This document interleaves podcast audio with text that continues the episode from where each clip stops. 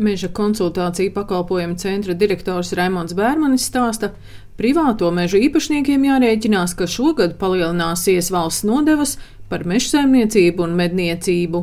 Droši vien, kad ir pienācis laiks kaut kādā mērā pārskatīt tos izcenojumus, kas saglabājušies no tā brīža, kad Latvijā pārgāja uz eiro valūtu minimālā alga arī ir augusi. Bet liels jautājums, protams, kāds ir šis cipars, kas turpmāk būs meža īpašniekiem un tā skaitā arī medniekiem jāmaksā. Ir liela atšķirība, vai apliecinājums koku ciršanai maksā nepilni 5 eiro, vai tas ir vairāk nekā 50 eiro, kā tas parādījās vienā no projektiem. Es domāju, ka par to tiks vēl diskutēt. Šobrīd noteikumu grozījumi, manuprāt, nav nekur tālāk virzīti. Pēdējos gados ļoti aktuāla lieta ir arī aizsargājumās teritorijas. Šobrīd kompensācija par mežu, kur nedrīkst veikt saimniecisko darbību, ir no 40 līdz 160 eiro par hektāru, bet ne visi privāto mežu īpašnieki šīs kompensācijas saņem. Meža īpašnieku biedrības valdes priekšsēdētājs Ārnis Mužnieks skaidro, ka biotopu Latvijā ir 18% bet Eiropas mērķis ir par aizsargājumām teritorijām padarīt 30% no visas sauszemes teritorijas. Noslēgusies dabas skaitīšana Latvijā. Latvijā ir atrasti aptuveni 335 tūkstoši hektāru meža biotopu.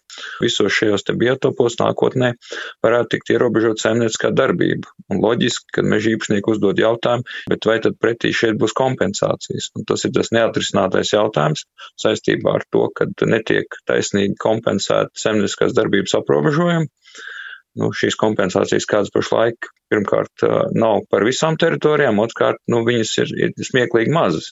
Protams, arī citu uzstādījumu, piemēram, par to, ka mazāk vajadzētu koksni izmantot enerģijas ražošanai, bet mēs redzam pašreizējo situāciju ar gāzes cenām, ar elektrības cenām, un tad ir jautājums, vai tas ir loģiski un vienādi attiecināms uz visām dalībvalstīm.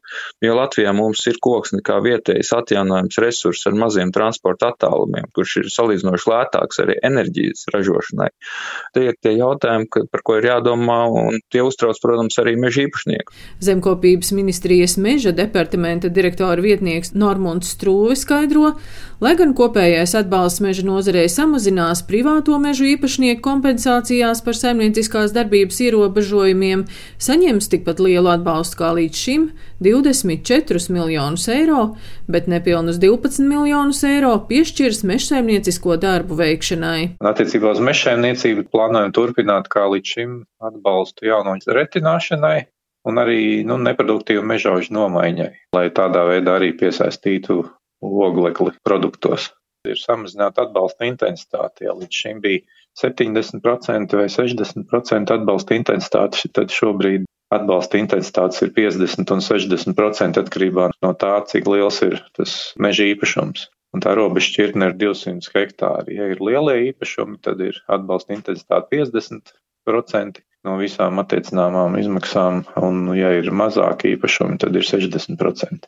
Par to, kā Eiropas zaļais kurs ietekmēs meža nozari, pagaidām vēl lielas skaidrības nav, turpina Normons Strūve no Zemkopības ministrijas. Ir, ir daudzas iniciatīvas, kas tikai ir šobrīd apspriešanā vai vispār vēl pat nav publicētas, un tāpēc ir ļoti grūti novērtēt, kāda būs tā ietekme. Un Un šobrīd tie mērķi ir ļoti dažādi izvirzīti, un dažreiz pat rodās jautājums, vai vispār viņus vienlaicīgi var sasniegt. Viss vēl šobrīd nav skaidrs arī par tām aizsargājumām teritorijām un par ekosistēmu atjaunošanu, piemēram. Tur ir plānots, ka Eiropas komisija nāks klajā ar to savu skatījumu tikai nākošā gada sākumā. Tur tā ļoti precīzi nevar saprast, kāda ietekme tas varētu atstāt uz mūsu tautsēmniecību. Tā kā tuvojas Ziemassvētku laiks, meža īpašniekus uztrauc vai īpaši pilsētu tūmā netiks cirstas Ziemassvētku eglītes jaunaudzēs. Nu, privātajos mežos un pašvaldību mežos bez meža īpašnieku atļaujas eh, to nedrīkst darīt. Jaunaudzēs to noteikti nedrīkst darīt, arī valsts mežos.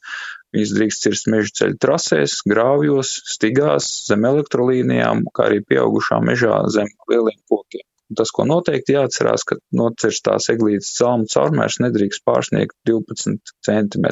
Meža īpašnieku biedrības valdes priekšsēdētājs Ārnis Mužnieks stāsta, ka izveidota mobilā lietotne Mednis, kurā meža īpašnieki varēs reģistrēt dzīvnieku postījumus, un tas palīdzēs arī precīzāk sastādīt medījamo dzīvnieku limitus.